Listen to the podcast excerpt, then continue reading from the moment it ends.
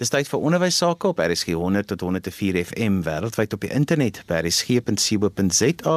Jy kan ook na ons luister op die DSTV se audiokanaal 813.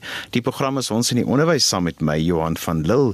Nou ja, die nuwe onderwysjaar het aangebreek en is tyd om bietjie te dink oor wat wil ek hierdie jaar in my onderwysloopbaan bereik met die kinders in my klas en ja, wat wil ek ook in my gemeenskap bereik? Nou soos gewoonlik aan die begin van die jaar gee Dr. Janie Leroux bekend op ons program vir ons idees oor wat ons kan doen om hierdie jaar 'n baie goeie onderwysjaar te maak. Janie, ons is in die begin van 2020. Sommige onderwysers wil vanjaar aftree en ander is al reeds ver op die pad van hulle loopbane en van ons onderwysers begin ook hulle opwindende onderwysloopbaan. Wat is jou inspirasie tema waarmee jy die opvoeders en die onderwysers wil bemoedig vir 2020? Ek net weer besef elkeen van ons is op 'n ander plek of seisoen in ons lewe en dis nogal 'n kuns om almal saam in 'n skool of universiteit of tersiêre opleidingsplek te hê waar almal soort van op dieselfde golflengte net is. Daar's gemeenskappe wat gekwel word deur droogtes, deur werkloosheid, armoede, geweld, nog soveel meer. En ek dink onderwysers, opvoeders is draers van hoop. So ek sou graag die hoop wil uitspreek dat elkeen aan die einde van 2020 sal kan sê, dis my beste jaar ooit. So dis my tema. 2020, my beste jaar ooit. Nou Janie het nou genoem dat mense in verskillende omgewings is en dat jy tog vir almal die hoop het dat dit hulle beste jaar ooit sal wees, maar waar begin jy as 'n onderwyser jou 2020 en as jy dit wil goed deurgaan en jy wil dit goed afsluit ook? Ek wil graag net twee aspekte onderskei. Natuurlik is daar so baie waarop 'n mens kan fokus, maar die twee is sukses en satisfaksie.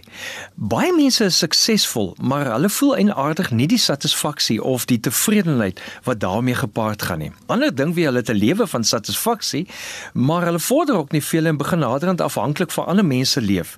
Een van die definisies van sukses wat nogal beide momente insluit, is die van die uiters suksesvolle hoofafrigter van die basketbalspan van die Universiteit van Kalifornië in Los Angeles Angeles. As ek reg onthou, hy intussen oorlede. Sy naam is John Wooden. Nou hy het ook onderwys gegee, maar hy was baie teleurgesteld in hoe die ouers wou hê hulle kinders moet presteer. Hulle wil hê kind met 'n A of 'n B hê, glad nie 'n C nie. 'n C is alright, maar dan sit vir die bure se kinders. Die bure se kinders moet die C hê. Maar toe besef hy almal is nie dieselfde gebou nie. Almal het dieselfde tipe intelligensie nie of persoonlikheid nie. Dit het ook beteken in die sportwêreld as jou span die eerste is, nie aan dink almal jy's onsuksesvol en dis nie volle waarheid nie. So hy het gevoel hy wil 'n ander waarde vir mense gee, 'n tipe hoër punt waarna hulle kan streef, waarna hulle lewe meer betekenisvol sal wees. Nou in daardie stadium het meneer Webster ook mos 'n woordeboek gehad en hy skryf in sy woordeboek oor sukses. Dis in terme van hoeveel materiële besittings jy het of wat jy bereik het in 'n posisie van mag of aansien of so. En toe besef Wooden, maar dit gaan oor waaroor jy beheer het. As jy te veel aandag gee aan die dinge waaroor jy nie beheer het nie, beïnvloed dit die dinge waaroor jy wel beheer het heeltemal negatief. En hy voel toe, kom ons herdefinieer sukses.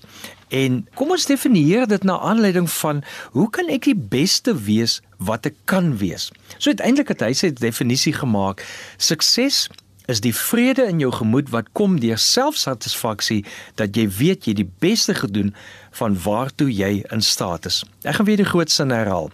Sukses is die vrede in jou gemoed wat kom deur die selfsatisfaksie dat jy weet jy die beste gedoen van waartoe jy in staat is.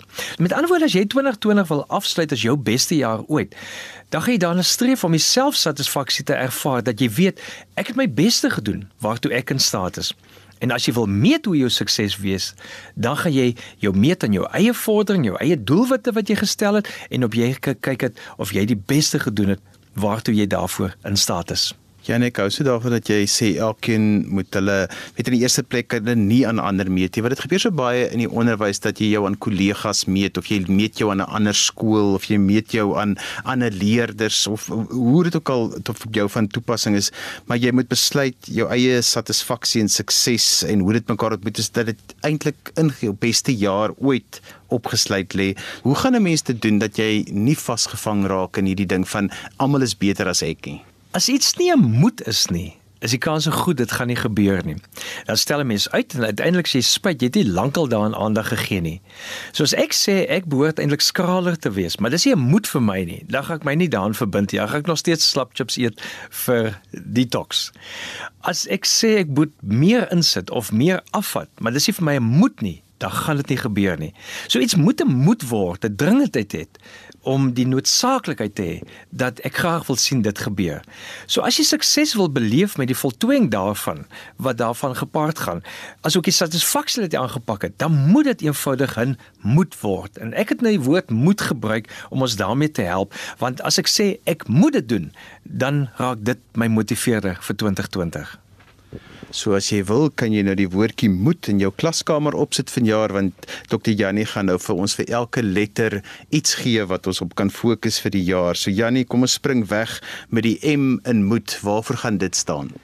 Is al seker holre geryde woord, maar ek kon nie aan ander dink nie, maar missie. Maar dan verstaan ek missie as ag, sien mos die goed baie keer maatskappye op en dan weet ons eintlik wat die ouens regtig doen op die einde van die dag nie, want wys maar in hulle gedrag wat hulle op die ou end doen. Maar ek praat hier van gefokusde gedrag. Ek praat van die doel waarmee as dit ware oorlog toe gaan. As ek mission is, dan dan is dit altyd daai oorlogstaal wat 'n mens amper kry. Dis so gedoelgerig soos 'n missiel. So daar's myself 'n vriendkreeks gewees toe ek nou hieroor dink met die naam van Mission Impossible. Ek dink ek het die res van hulle gekyk, maar toe gaan kyk ek, daar's 'n ware reeks van 6 flieks wat op hierdie ding gebou is van hierdie uh, mission effek. Nou kyk as ek dink mense kyk na al die gesigte voor jou vir wie jy die jaar verantwoordelikheid neem om hulle te begelei, dan voel dit dalk vir jou na Mission Impossible. Maar dis jy is die punt van onderwys of onderrig of opvoeding dat dit wat waarskynlik onmoontlik is, kreatief ontsluit word om nuwe moontlikhede te skep, om nuwe hoop te gee, om nuwe lewe te gee, om drome te laat droom en dan die aksiestappe om dit te help waarmaak. Nou om daardie missie dan 'n moed te maak, moet jy weer gaan kyk na jou waarom en waarheen? Waarom doen ek dit? Wel, mens weet mos nou mense doen iets om aan die einde van die maand daarom kos op die tafel te kry. So dit is mos nou nie te ignoreer nie. Maar op 'n lange duur bring dit nie satisfaksie nie. Jy kan net so lank werk vir 'n salaris en dan voel jy nader nie meer bevredig nie. So wat staan dieper waarom wat my hart aanraak? Wat vir my hoendervleis kan gee? Wat my laat voel ek kan nie anders nie. Ek moet Dis 'n waarom wat nie vir ander noodwendig werk nie, maar werk vir jou, vir jou lewe. Byvoorbeeld, waarom klim iemand 'n bergtop uit?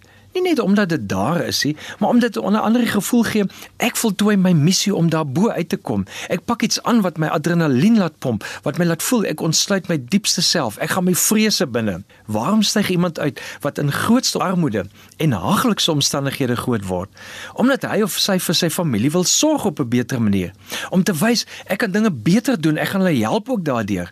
Of wat hy waarom ook al mag wees. So begin by jou diepste waarom. Dit kan net een woord wees, dit kan 'n aantal redes wees, maar skryf jou waarom in groot letters vir jou neer en sit en plak dit waar jy dit gereeld kan sien, sodat jy wanneer jy moeg is, jy weer jou rede vir aanhou daarin sal vind, veral in die tye wat jy moeg raak. As jy duidelik is in jou waarom, is dit wonderlik om te sien hoe amper toevallighede gebeur om jou daarmee te help. En dan ook natuurlik die tweede aspek af van dis om te begin droom waarheen? Waarheen is ek self op pad? Waarheen gaan ons as klasgroep vir jaar? Gaan ons ons drie waardes skryf waaroor ons heel jaar dalk gaan praat en dit bly inoefen totdat dit deel van ons DNS is? As jy duidelik is in jou waarheen, dan is dit opvallend hoe dit goed inspel wat jou help om jou waarheen te bereik. So jou missie is 'n moed wat beide jou waarom en jou waarheen aandui. Jy luister na ons in die onderwys saam met my Johan van Lille. Ek gesels vandag met Dr. Janie Leroux oor inspirasie vir die onderwysjaar wat voorlê. Janie, ons het aan die eerste gedeelte gesels oor die woordjie moed en ons gee vir elke letter gee ons dan 'n uh, 'n woord wat vir ons 'n idee gaan gee waarop ons die jaar kan fokus. Nou die M het ons gesê staan vir missie en daaroor het ons nou in die eerste gedeelte gesels. Kom ons gaan nou oor na die O van moed. Waarvoor staan dit? Ek dink dit gaan oor opgewonde. Dis wat jy passievol wil aanpak. Want daar's mos 'n verskillende motiverings wat ons help momentum kry. Die een is vreugde en die ander een is vrees.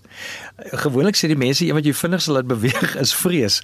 Maar ek wil sê om opgewonde met passie te leef is om te gelyk te dink aan wat jy as vrees as die slegste uitkoms kan sien, maar dan vashou aan die grootste vreugde as ek dit wel doen, as ek wel deur daai vrees heen gaan, wat gaan dan my beloning of die resultaat dan daar wees?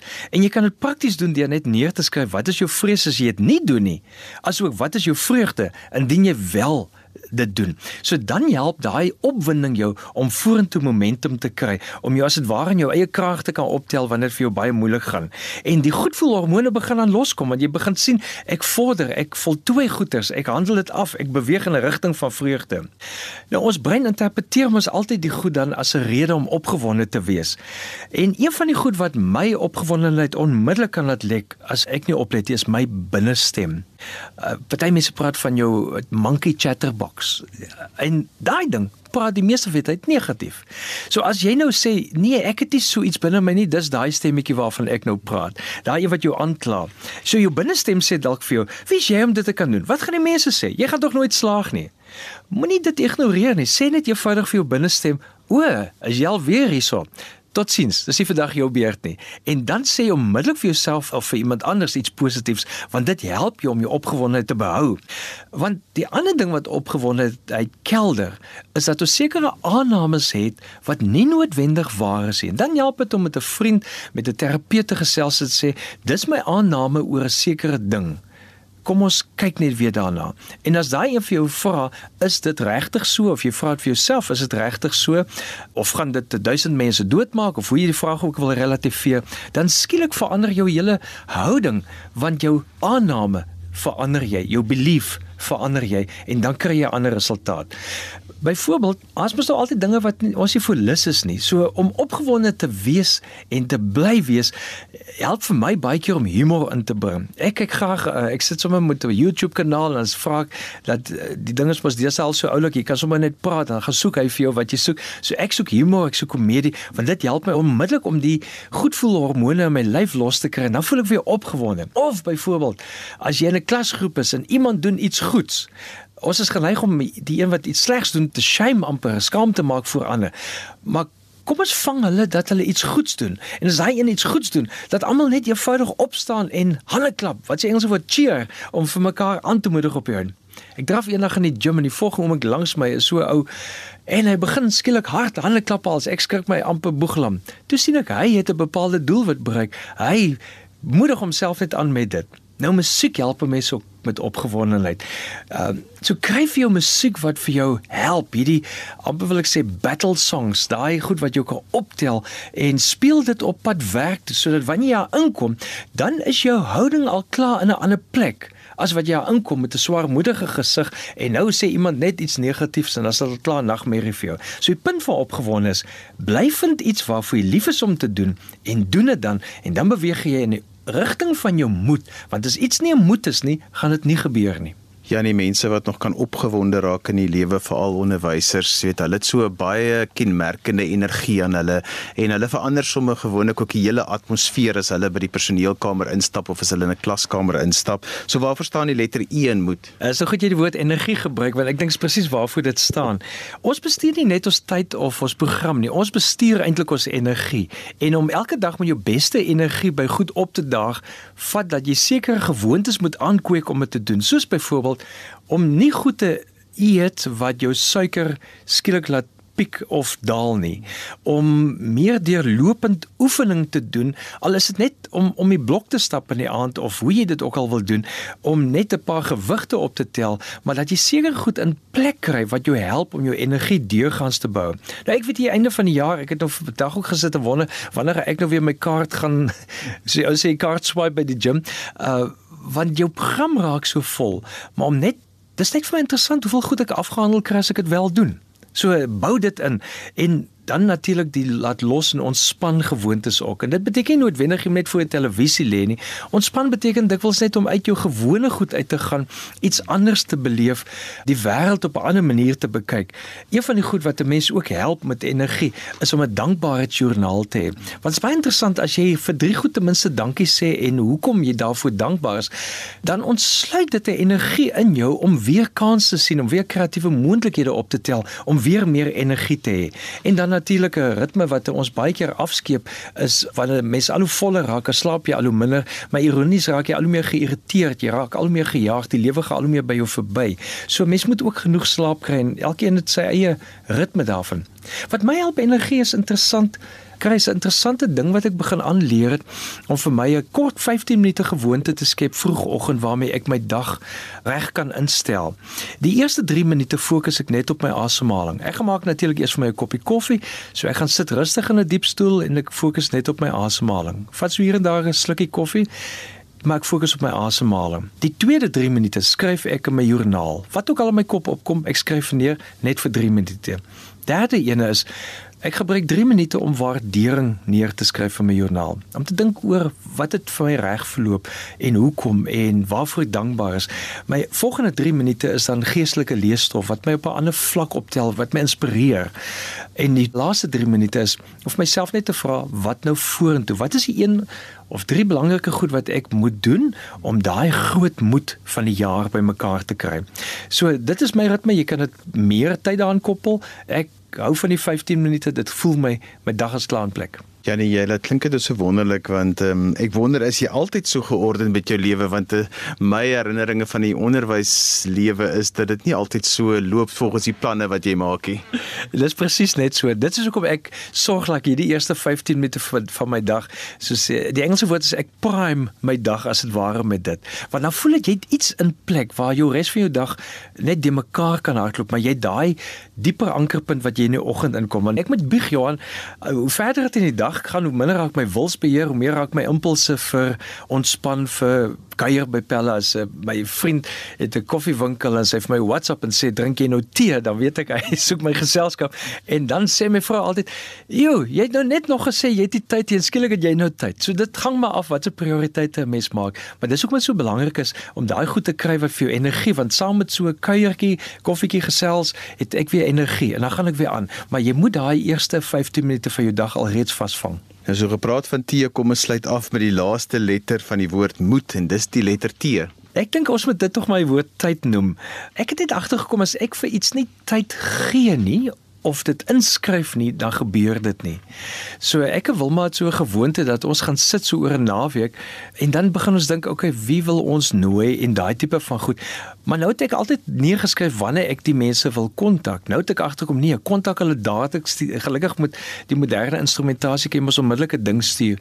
En is opvallend as jy dit goed in plek het, dan is jou tyd net georden. En dit is belangrik vir mense wat ander mense moet bly inspireer, hoop gee om self die bron van hulle hoop te bly ontdek. En dit lê in relasies om daai verhoudingstye met jou geliefde of met jou familie of vriendekring in te boek, jy moet dit vasmaak en nie daarop afskeep nie, want op die einde van die dag is ons lewe net so kort. Ek onthou dat die bekende Steve Jobs se toespraak wat hy by Stanford gelewer het, die ou wat die CEO van Apple en al dies meer was, het hy in 2005 gesê die afgelope 33 jaar het ek elke oggend in die spieël gekyk en gevra, as vandag die laaste dag van my lewe is, sou ek wou doen wat ek van plan is om vandag te doen? En as die antwoord nee is vir te lank, dan het hy besef moet hy iets verander.